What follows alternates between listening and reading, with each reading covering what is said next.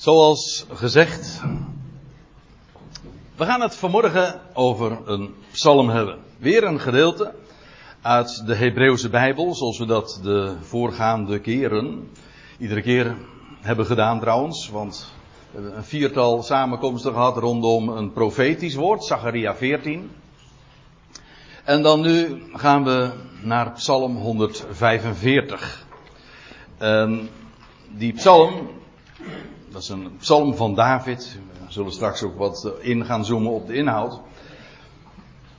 Die psalm, daar is wel het een en ander over op te merken, ook eh, bij voorbaat. Om al even wat te vertellen over de structuur van deze psalm. Hoe zit ze in elkaar? En het eerste wat daarbij opvalt, laat ik het eventjes opzoeken, voor mezelf ook, voor het totaal aanblik. Dat raad ik u aan, ook aan trouwens. Ik zeg dat is het eerste wat opvalt, maar dat is niet helemaal waar, want als u nou een MBG-vertaling hebt, dan staat dat er niet bij. En dat is lastig, of in ieder geval dat vind ik een gemis. Namelijk dat het een alfabetische psalm is. Van A tot Z. Wat natuurlijk niet helemaal correct is, want u begrijpt, als het een alfabetische psalm is, dan is dat een, gebaseerd op het alfabet van de Bijbel, dat wil zeggen de Bijbelse taal van het Hebreeuws. En ja, dat uh, is niet van A tot Z, maar dan zou je moeten zeggen van Alef tot Taf. De Alef is de eerste letter van het Hebreeuwse alfabet en de Taf is de laatste letter van het alfabet. Trouwens, het Hebreeuwse alfabet heeft niet, zoals ons alfabet, uh, 26 letters, maar 22 letters. Als u een statenvertaling hebt, dan staat dat er allemaal wel keurig bij. Waar, waar dan uh, de letters dan beginnen. Trouwens, het is heel simpel. Want ieder vers begint dan met een nieuwe letter. Want het is eigenlijk zo. Ja, je ziet dat ook de statenvertaling kan dat niet echt duidelijk maken. Maar dan staat hier in Zoals u dat dan in de Statenvertaling kunt zien. Als er dan staat een lofprijzing van David. En dan vervolgens staat er Alef. Dat wil zeggen, in het Hebreeuws begint dan de zin met, een, met de eerste letter. Nou, dat gaat dan zo door. De tweede, de tweede vers begint met de beet. Dat wil zeggen, de tweede letter uh, van het Hebreeuwse alfabet. En nou, zo gaat het maar door. De Gimel en dan de Dalet, He, Waf, Shin, Het, Het. Ik heb ooit modern Hebreeuws geleerd. En het moderne Hebreeuwse alfabet is nou exact hetzelfde als het oude Hebreeuwse alfabet. En uh, die, al die letters, uh, die kan ik allemaal wel, uh, wel dromen, ja. Tet, Jut, Kaf, Lamet, Mem, en dan Samech, Ayin, Pet, Tzadik, Kuf, Resh, Shin, Taf. Dus al die letters beginnen met die respectievelijke, zeg ik het goed? Al die versen beginnen met die respectievelijke letters. Waarbij ik trouwens nog iets uh, moet uh, opmerken: dat Hebreeuwse letters niet alleen maar letters zijn, maar ook nog eens een keertje cijfers. Vergelijkbaar met onze Romeinse letters. Of Romeinse cijfer, dat ook, ja, dat ook letters zijn, of, of vice versa. Het, is maar hoe je het zeggen wil. De Alef staat voor de 1, de Bet voor de 2, de, de voor de 3. En dan gaat dat door tot de, de He staat voor de 5. Grappig trouwens hoe dat in ons spraakgebruik nog steeds is, uh, is terug te vinden. Want bij ons is een heitje. Maar dat komt uit het Jiddisch, uh, Bargons, in ieder geval een heitje. Dat, zijn eigen, dat is een kwartje. Dat waren vijf stuivers. Dus vijf keer vijf cent. Een heitje voor een karweitje. Een kwartje voor een karweitje. Maar een heitje is gewoon de vijf. De vijfde letter. En dat geldt uh, voor, wat dacht u van deze? een jot. De jot. Dat is de tiende. Dan moet ik zo wel goed doen. Dat is de tiende letter. De jot. Voor de jot zit je goed.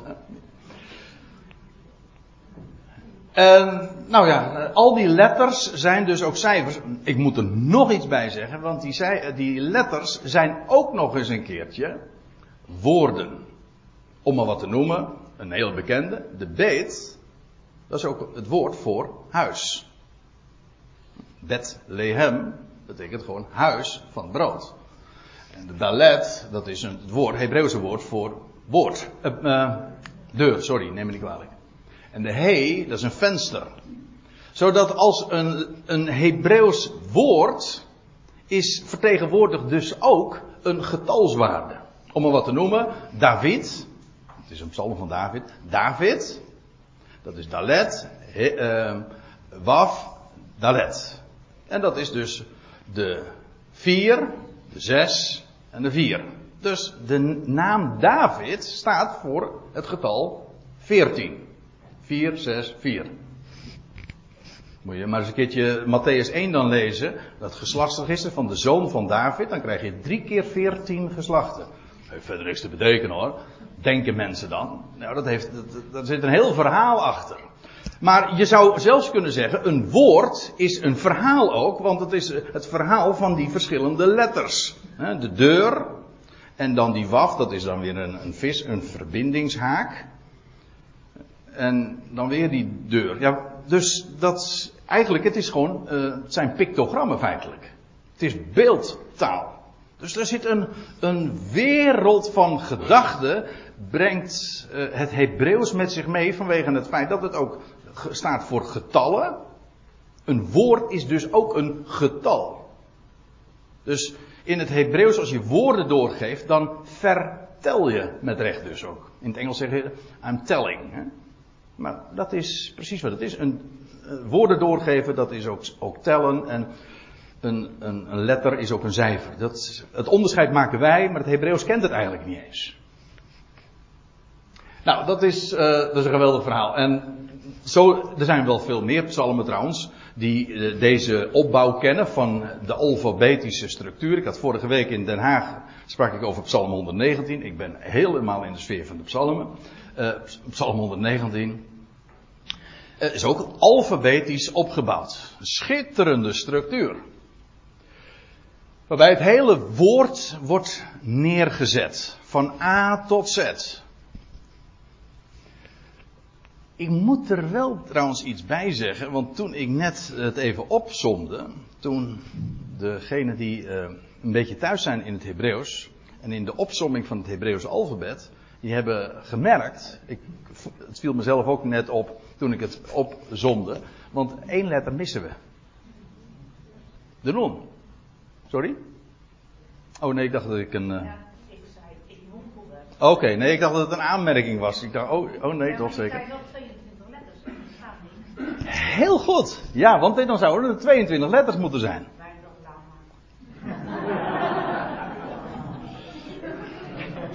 Ik dacht, laat maar. Dus, uh... Nee, maar dat is heel intelligent opgemerkt. Dat klopt.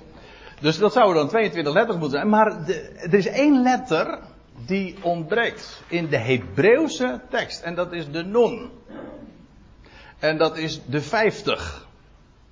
De, ja, oh, dat, dat, vergat ik nog te zeggen. Want dan ga je van, van 1 tot 10. En dan is niet de elfde letter staat voor de 11. Maar de elfde letter staat dan weer voor de 20. Dus dan krijg je 1, 2, 3, 4, 5, 6, 7, 8, 9, 10. En dan 20, 30, 40, 50, 60, 70, 80, 90, 100. De koef is de 100. En dan ga je op, uh, verder op het niveau van de honderdtallen. Want de reis is dan weer 200. En de shin 300. En de taf, dat is de laatste letter, 400. Dus ja, daar zit een uh, hele opmerkelijke structuur in, dat begrijpt u wel. Maar in ieder geval, uh, één letter ontbreekt. In de Hebreeuwse tekst tenminste. Die is, die is verborgen. De non is trouwens, heeft alles te maken met de vis. Ja. De, de letter trouwens die eraan vooraf gaat, dat is de mem. Die kennen we eigenlijk ook wel. En dat is, kent u het Amsterdamse maaium? Mayem. Mayem is water. En de, deze, de mem, de 40, staat voor water. De wateren. Mayim. Dus ergens verborgen onder de wateren, onder de, is de non, de 50.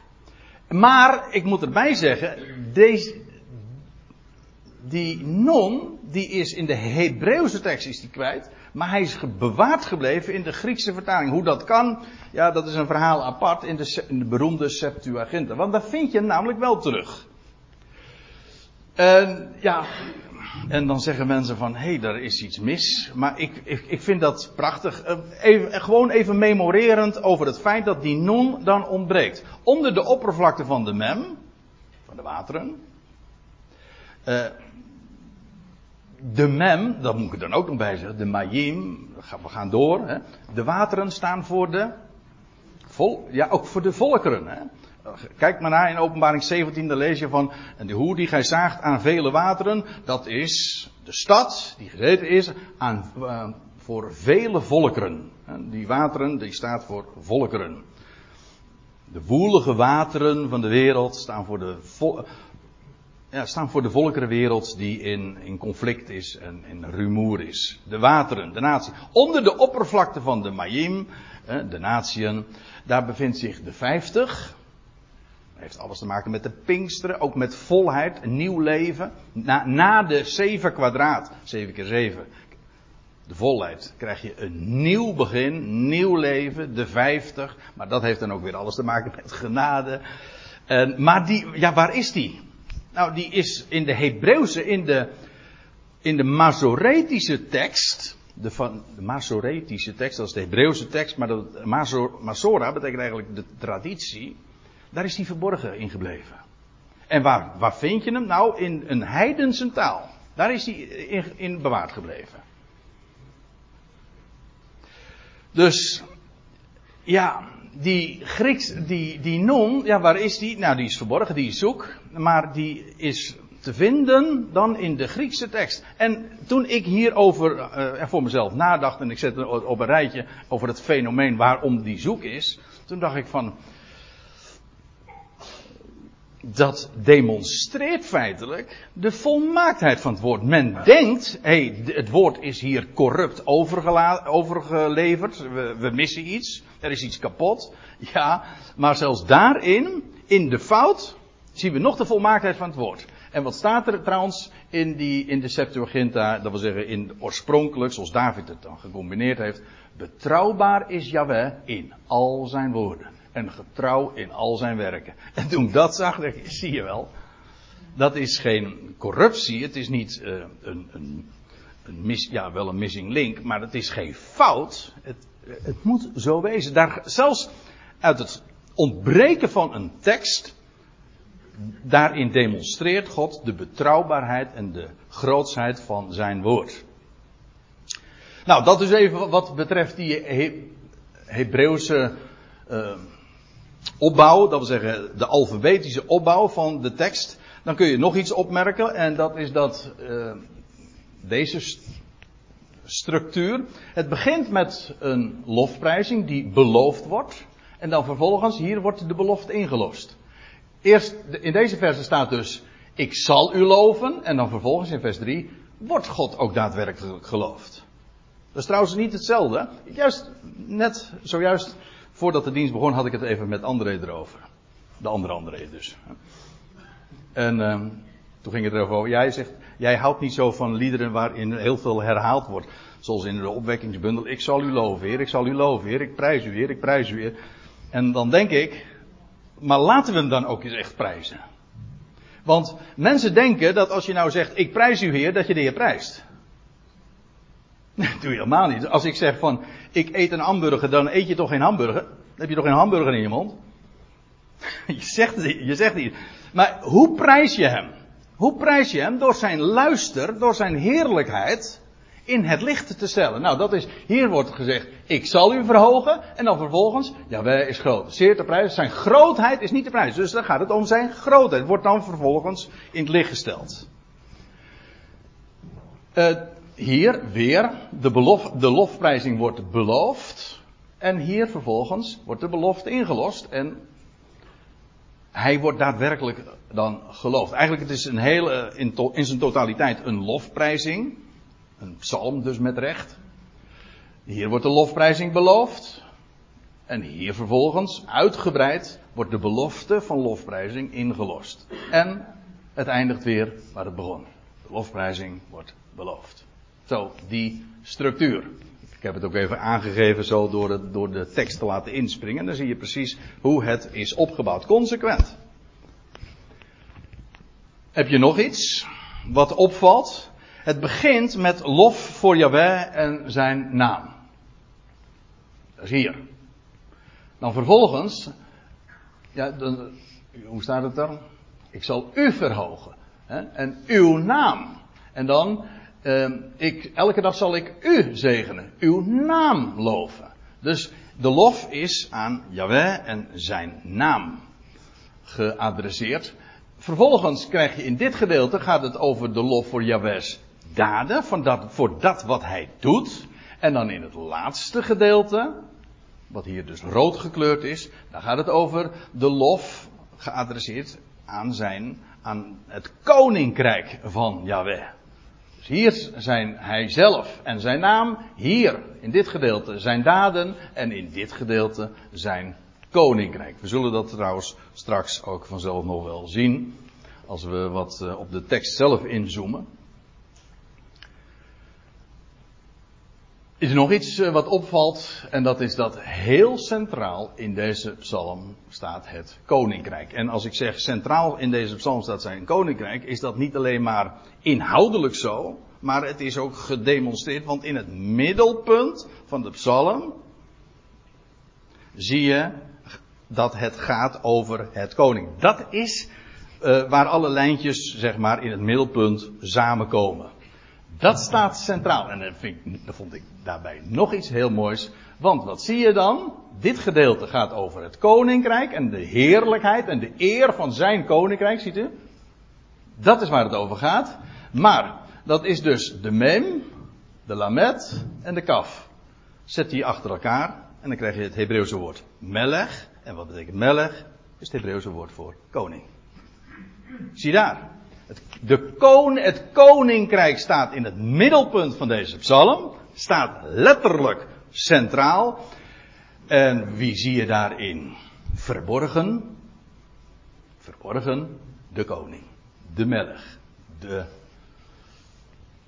Trouwens, het is een psalm van David, dus dat kon eigenlijk al niet missen. Want, en die naam staat voor ja, een dynastie. Voor de troon. Nou, Oh ja, dan heb ik er nog iets. Wat uh, ook erg opvalt. Dat is dat als je kijkt hoe de lof, uiting, de lofprijzing aan het adres van God, zich van klein naar groot uitbreidt. Je krijgt met, het begint met vers 1 dan, ik, David, zal u verhogen. Dan vervolgens, vanaf vers 4, generatie aan generatie zal u roemen. En dan tenslotte, en daar eindigt het dan ook mee, al uw werken zullen u loven, Heer. Dus het begint eenzaam, om zo te zeggen, bij David.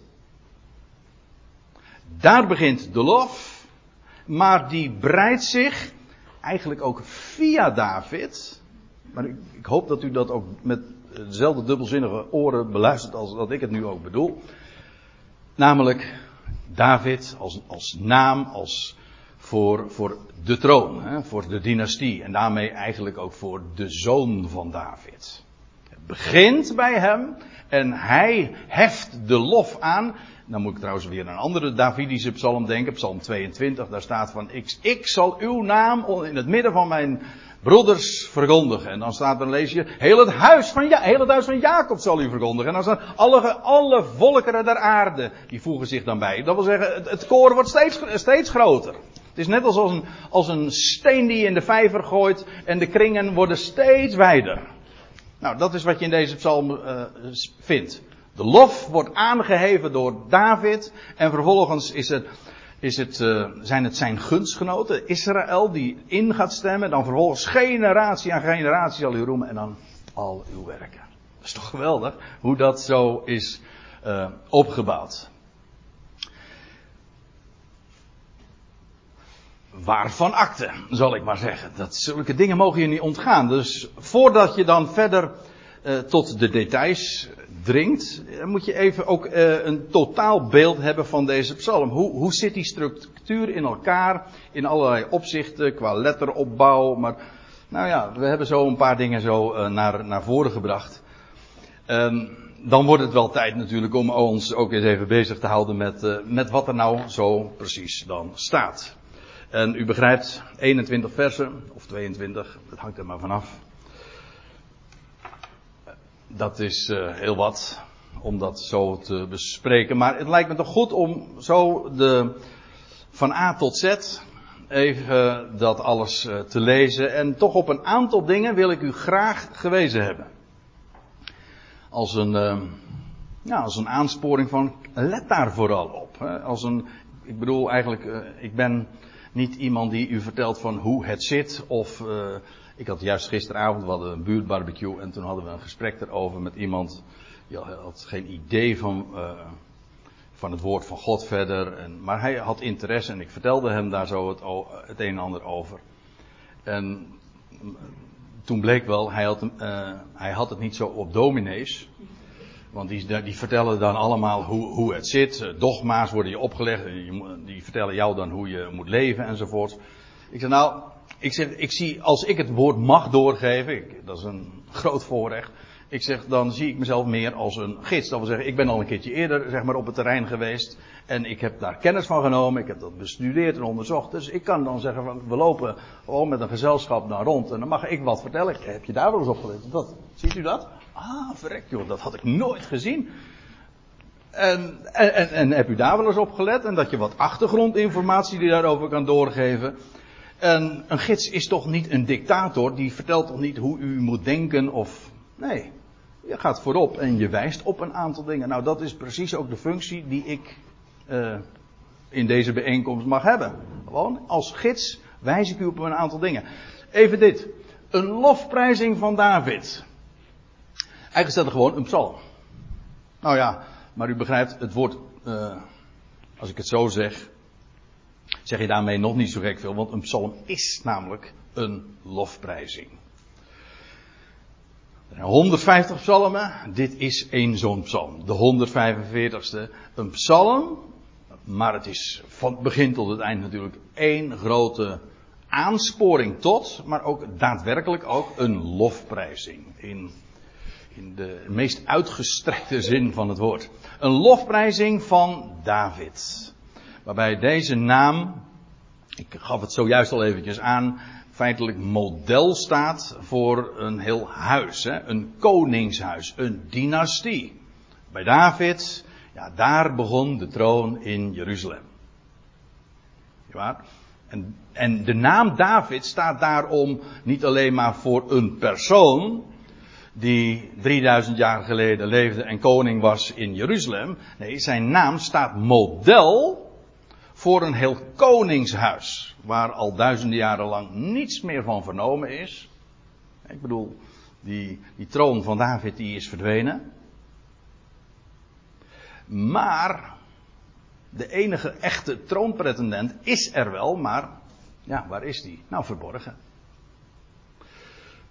En wat de Bijbel voor zegt is, dat had ooit de boodschapper al tegen Maria gezegd, dat kind wat zij zou voortbrengen, de zoon van de Allerhoogste, die zou de troon van zijn vader David gaan innemen. En op die troon gaan zitten. En er is, er is maar één plek waar die, troon uh, waar die troon hoort te staan, en dat is in Jeruzalem. En als hij straks zal komen, dan zal hij de vervallen hut van David wederopbouwen. Ja, en dan gaat het gebeuren. Dan gaat het koninkrijk ook via Israël over de hele wereld baanbreken. Nou, daar hadden we het eigenlijk de laatste Bijbelstudies over. Maar dat ging toen uh, via Zacharia 14. Dan gaat het koninkrijk, het centrale onderwerp van, dit onder, van deze psalm, dan gaat het koninkrijk zich manifesteren. Naam van David staat daarvoor model. U weet wel, die man uit de stad Bethlehem. Die goede herder. Die zijn leven inzette voor de schapen. De man die vervolgd werd. Die weliswaar al gezalfd was tot koning, bestemd was voor de troon, maar het zou nog een hele tijd duren. En hij werd vervolgd. Saul, Saul, wat, ja. wat vervolg je mij? Ik haal nu dingen door mijn kamer, dat doe ik expres, dat begrijpt u. Hè?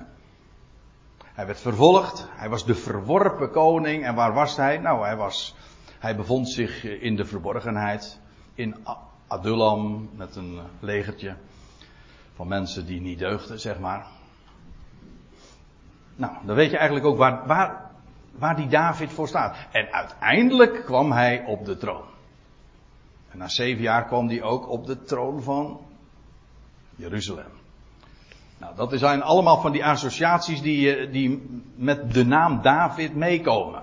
Zodat je als vanzelf ook, als je de hele Bijbel gewoon openhoudt en, en schrift met schrift vergelijkt, dan kom je, kan niet missen, op de zoon van David uit.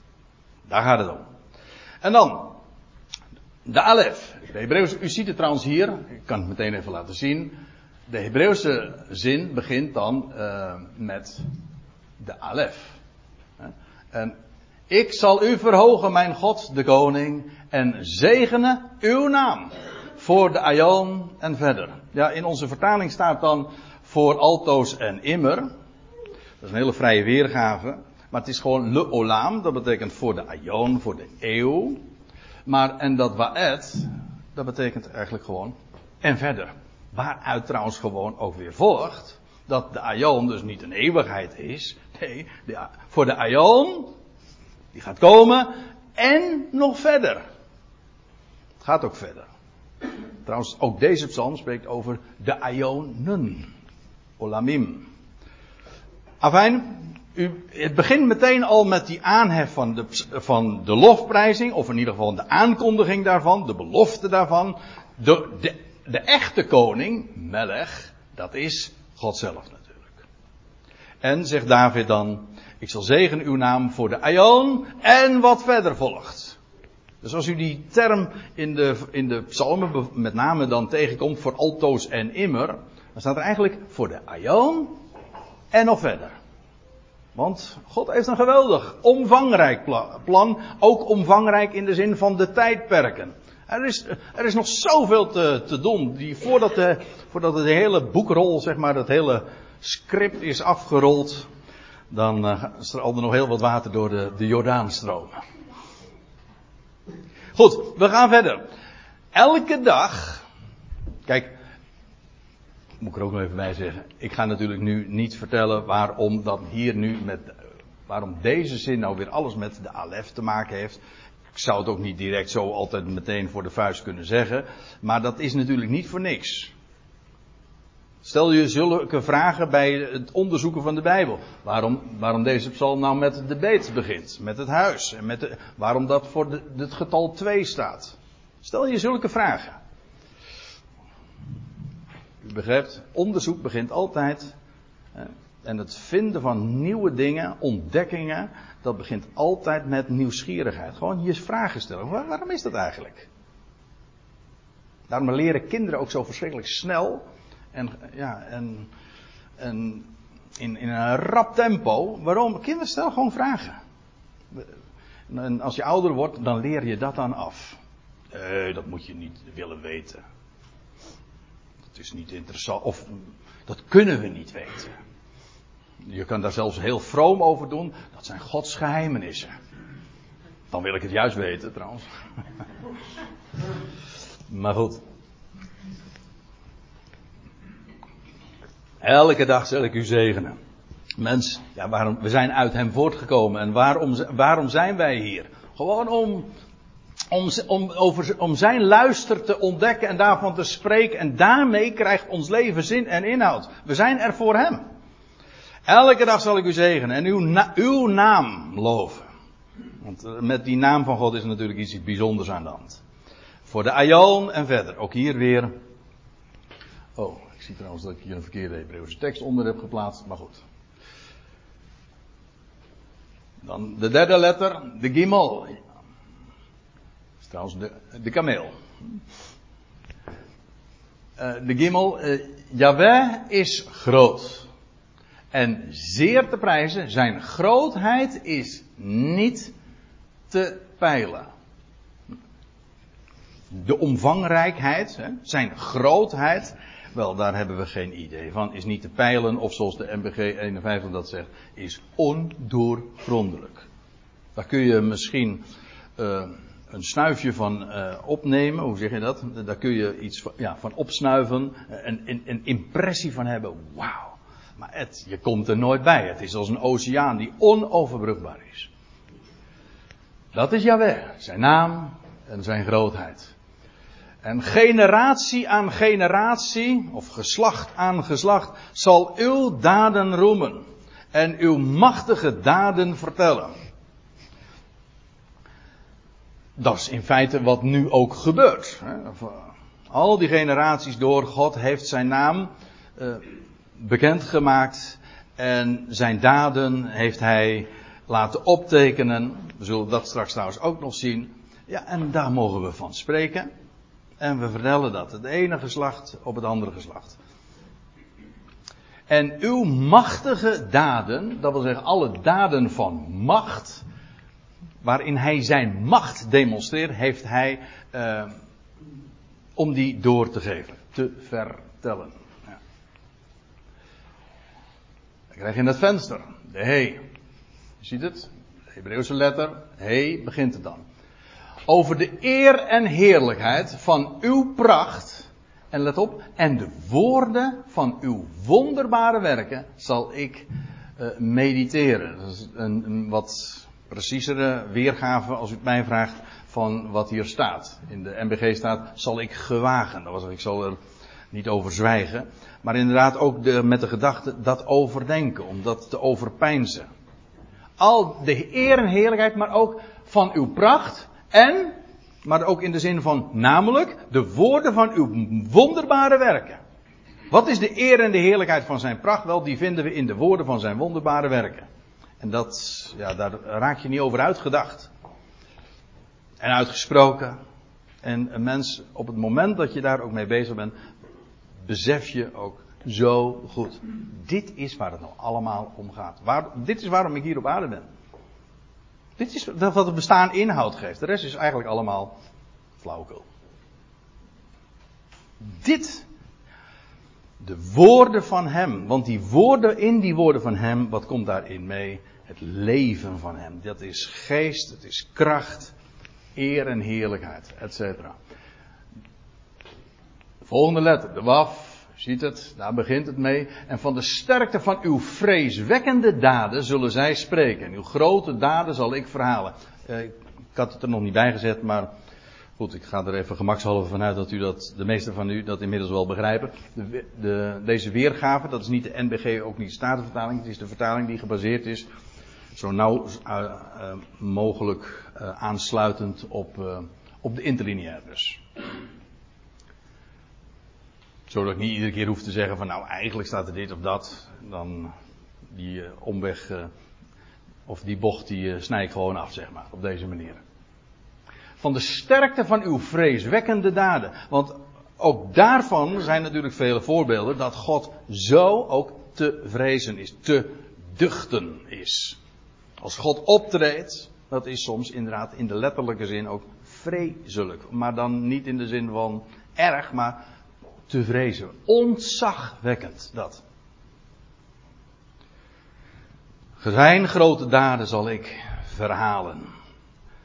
De, de gedachtenis van uw vele goedheid zullen zij uiten en uw rechtvaardigheid bejubelen. U ziet het, uh, wat wordt hier nu allemaal al uh, naar voren gebracht? Over zijn, hier zijn goedheid, maar ook het feit dat God recht vaardig is. Hij gaat een rechte weg. Hij doet wat hij zegt. En hij vertelt wat hij denkt. Dat is die rechtvaardigheid. Hij vervult ook wat hij belooft. Dat is de essentie van zijn rechtvaardigheid ook. En de sterkte van zijn daden zijn vreeswekkende daden, maar zijn goedheid ook. Zijn rechtvaardigheid. En dan de get. De achtste letter begint het dus mee, genadig. Het woord genadig, dat begint met de letter get. Ons woord gein komt daar weer vandaan. Van gen, namelijk genade. Het is heel leuk hoe dat, met name in het Nederlands, zoveel Hebreeuwse woorden. Het is, niet alleen, het is niet alleen maar vol van Grieks, maar het is ook vol van Hebreeuwse restanten. Als wij gein hebben, dan zit daar de Hebreeuwse gedachte in van, van vreugde die God geeft. Genadig. En maar ook mededogend is. Vond, dat vond ik zo mooi aan het lied wat we in de aanvang ook zongen. Weet jij hoeveel sterren er aan de blauwe hoe staat het, zongen we het precies? Aan de blauwe hemel rond of uh, staan gekleefd. Maar ook, um, ook al die kinderen en al die mensen die op de vlucht zijn. Al die mensen. Er is zo enorm veel leed. Ja, maar we hebben een God die barmhartig is en ja, barmhartig een warm hart heeft, maar ook en daarmee dus mededogend is. Hij leidt ook, dat zegt, dat zegt de schrift ook in, in de tweede Korinthebrief, God is de God van het, al het medelijden. Hij is niet alleen maar de schepper die het al onder controle heeft, maar hij leidt ook met zijn schepping mee. Wat mij, als je erover nadenkt, ook logisch is. Hij houdt van zijn schepping en ja, hoe gaat dat? Als je van iemand houdt en een ander leidt, als je, als je kind leidt, dan is dat voor uh, jou als vader of moeder uh, minstens zo pijnlijk. Waarom? Ja, je, houdt van je kind. Dus dat is zo moeilijk om aan te zien. Maar je weet ook soms, vaak, het kan niet anders. Het moet wel. Ik bedoel, er gaat nooit wat mis bij God. Maar dat wil niet zeggen dat hij niet mededogend is of dat hij niet meeleidt. Juist wel, want hij houdt van zijn schepping. Dus dat lijden, hij geeft het een plaats. Ik ga niet vragen hoe en waarom. Dat, dat, dat weten wij helemaal niet. Van de week in Venendaal zei ik, dat moet je als schaapje ook helemaal niet willen weten.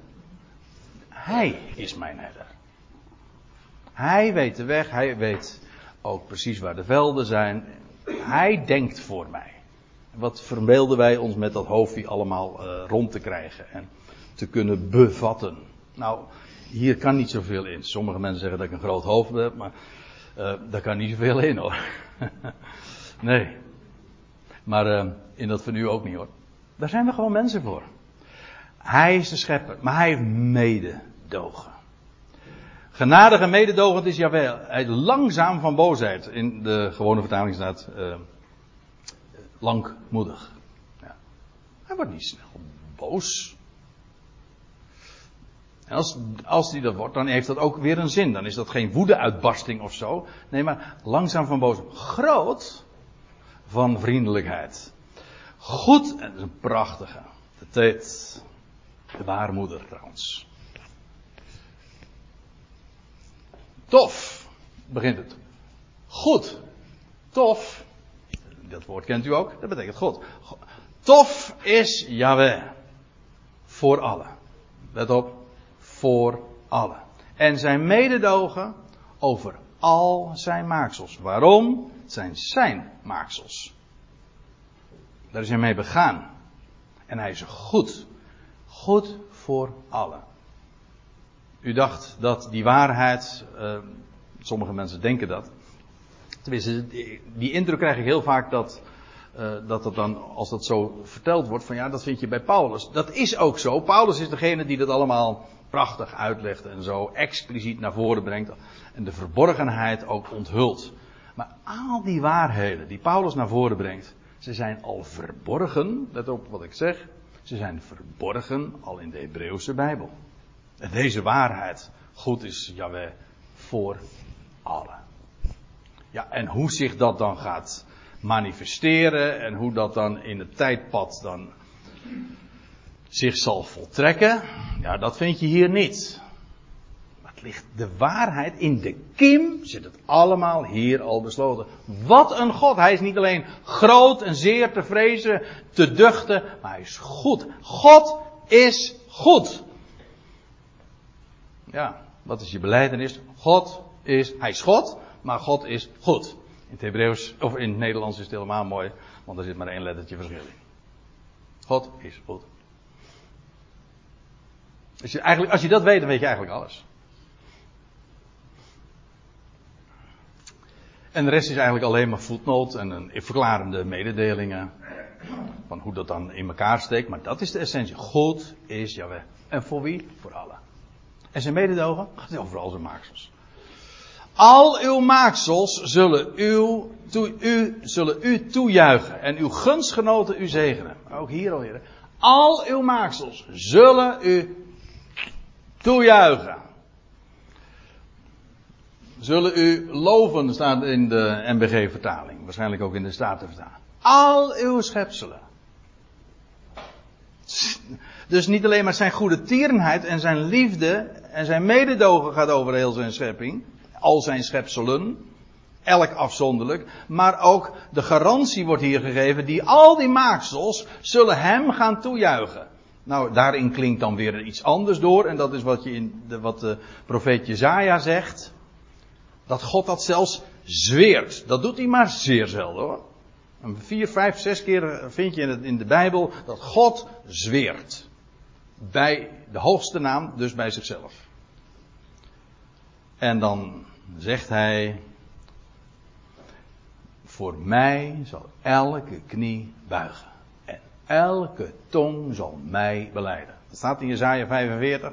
En vervolgens Paulus haalt het dan weer aan in Filippenzen 2. Dat, want die naam, boven alle naam, die is aan Jezus gegeven. Elke knie gaat buigen en alles zal zeggen, Hij is hier tot eer voor God de Vader. De belofte ligt hier al gewoon in, in, in de psalmen. En niet alleen hier hoor, maar op zoveel andere plaatsen. Maar daar klinkt al gewoon die geweldige waarheid in door. Die dan expliciet dan onderwezen wordt ja, door de apostel van de natie. Maar hier, prachtig. Als je dit weet. Al uw maaksel zullen u toejuichen en uw gunstgenoot u zegen. Dat betekent dus feitelijk dat als wij hier dan samen zijn en we luisteren naar zijn woord en we brengen hem de ode en we spreken over hem. Dan wij zijn gewoon dus, uh, ja. Mijn broer die zegt dat nog eens een keertje. Uh, wij zijn gewoon eerstelingen. Gewoon, uh, hij is een landman, hij is een man van de tuinbouw. En als de oogst binnengaat, dan worden eerst de, heb je de eerstelingen. Gewoon de eerstelingen van de oogst. Maar de rest komt allemaal. Alles op zijn tijd. En wij mogen voorlopers zijn. Eerstelingen. Dat is een voorrecht, hè? Als je dat ten deel valt. Als je ogen daarvoor geopend zijn en als je mond nu al hem mag toejuichen. Al uw maakten zullen eh, loven en dan staat er nog bij en uw gunstgenoten u zegenen. Zij, en dan gaat het specifiek over die gunstgenoten. En ik denk inderdaad dat het inderdaad over, uh, dat het spreekt van zijn volk. Hè, dat in het bijzonder zijn gunst geniet op een bevoorrechte wijze. Zullen vermelden de heerlijkheid van uw koninkrijk. En van uw macht. sorry. En van uw macht spreken. Om bekend te maken aan de zonen van de mensheid zijn machtige daden. Dus er wordt hier iets, een, een volk uitverkoren. Een volk wordt hier gezien, de gunstgenoten. En die gunstgenoten valt een voorrecht ten deel. En dat is niet zomaar omdat God hen dan uh, iets geeft en zo van, uh, jullie zijn mijn lievelingetjes en that's it. Nee, uitverkiezing is altijd tot een roeping, tot een taak. Zoals het volk van Israël ook uitverkoren. Waarom? Dat zijn zijn gunstgenoten, opdat zij zouden vermelden de heerlijkheid van zijn koninkrijk. Dat koninkrijk begint ook bij dat volk van Israël. Het is ook het koninkrijk, in feite is het ook het koninkrijk van Israël.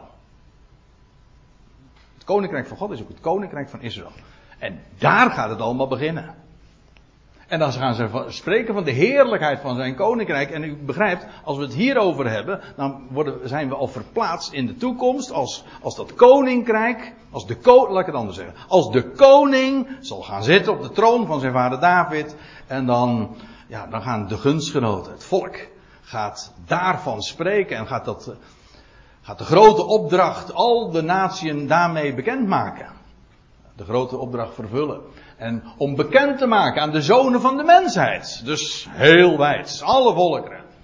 Om bekend te maken. Gewoon iets, het nieuws te melden. Wie is de koning? Wat is dat koninkrijk?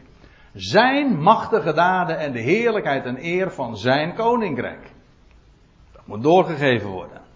Uw koninkrijk is een koninkrijk voor alle Ionen. Zo staat het. Voor alle Aion, Olamim. Aion is, of Aionen, dat is een Grieks woord.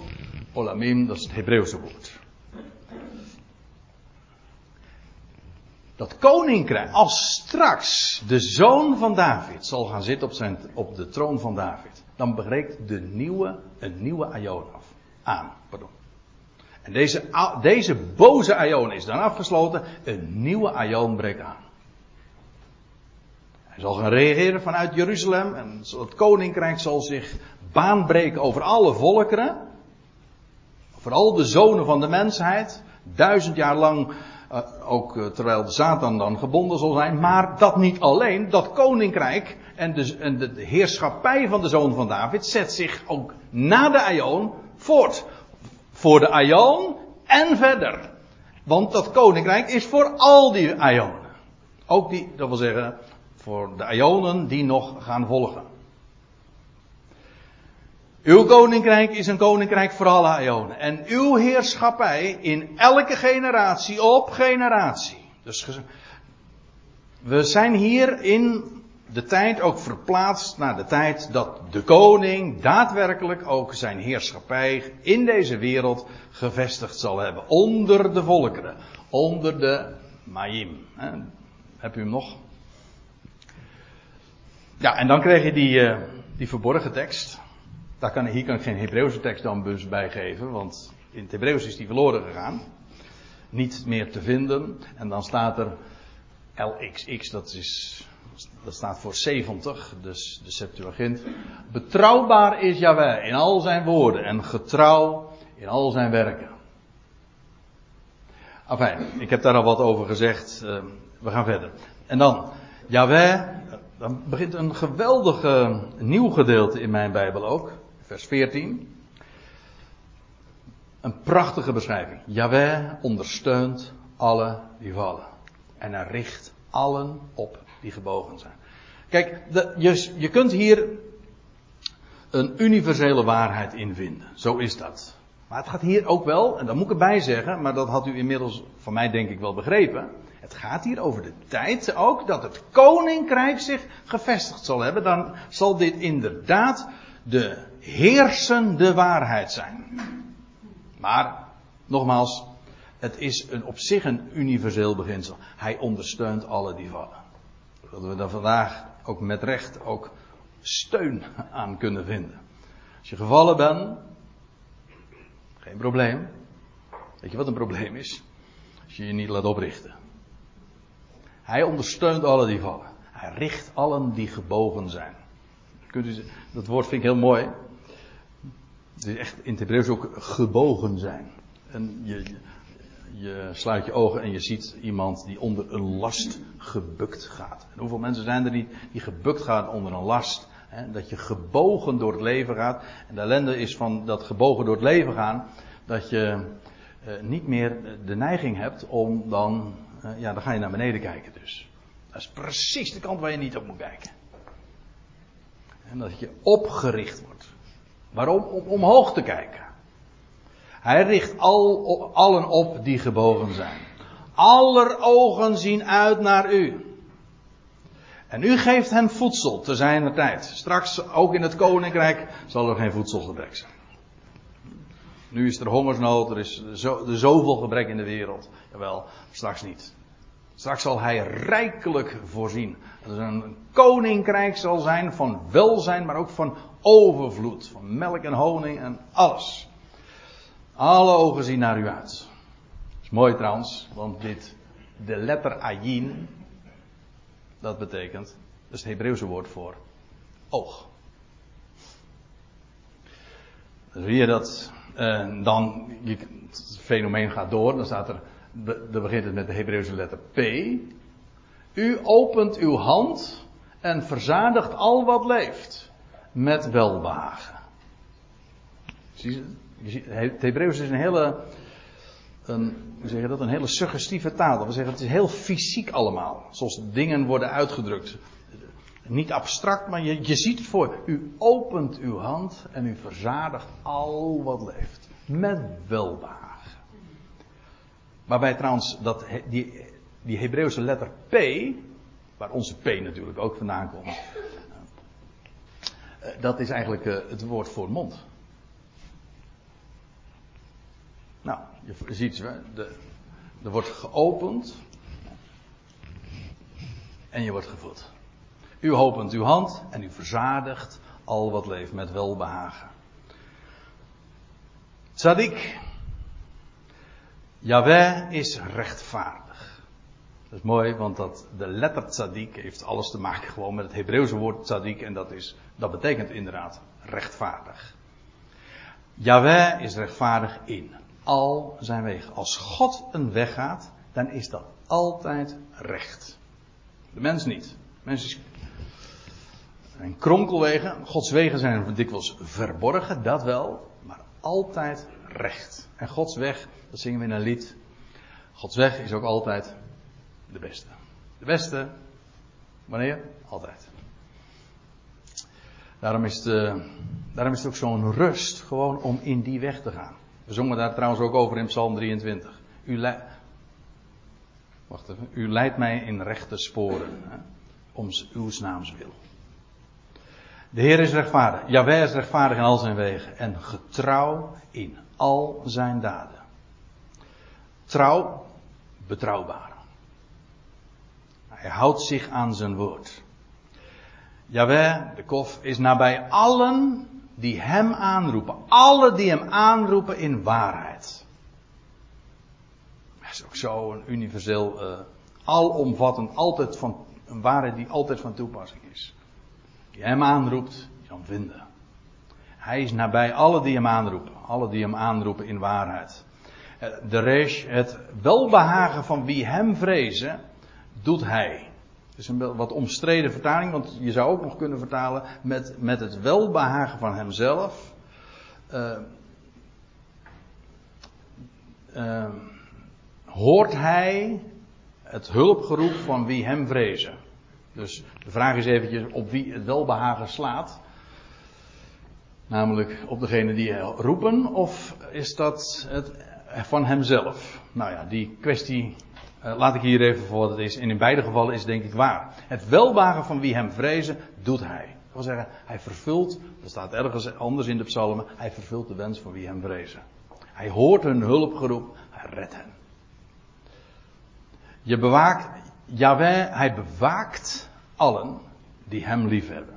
Maar al de slechten, staat hier, de goddelozen, eigenlijk het Hebreeuwse woord voor goddeloos, dat is eigenlijk gewoon die slecht is, in de morele zin dus van het woord. Maar dat, goed, dat is in de praktijk toch hetzelfde als degene die gewoon niet met hem rekent. En in het koninkrijk zal ik u dit vertellen. Wij poetsen niks weg, hè.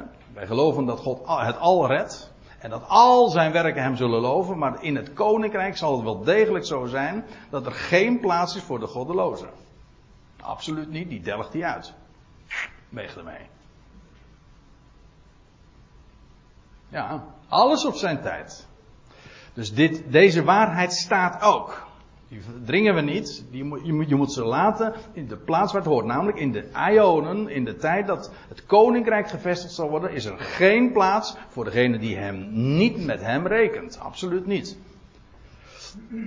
En dan komen we bij de laatste letter. De taf. De Hebreeuwse letter is taf, dat is eigenlijk een teken, maar ook een kruis. Van de lofprijzing van Yahweh zal mijn mond spreken. En alle vlees zal de heiligheid, dat wil zeggen de, de apartheid, want zijn naam is uitzonderlijk, met recht dus heilig in de letterlijke zin van het woord, zal zijn naam zegenen. In het Hebreeuws is het woord zegenen, dat is afgeleid van een, uh, van een werkwoord, dat uh, eigenlijk van een knie, en daarmee dus ook knielen. En zijn naam zegenen, dat wil ook zeggen knielen, klein worden voor hem. Daarin is ook zegen besloten.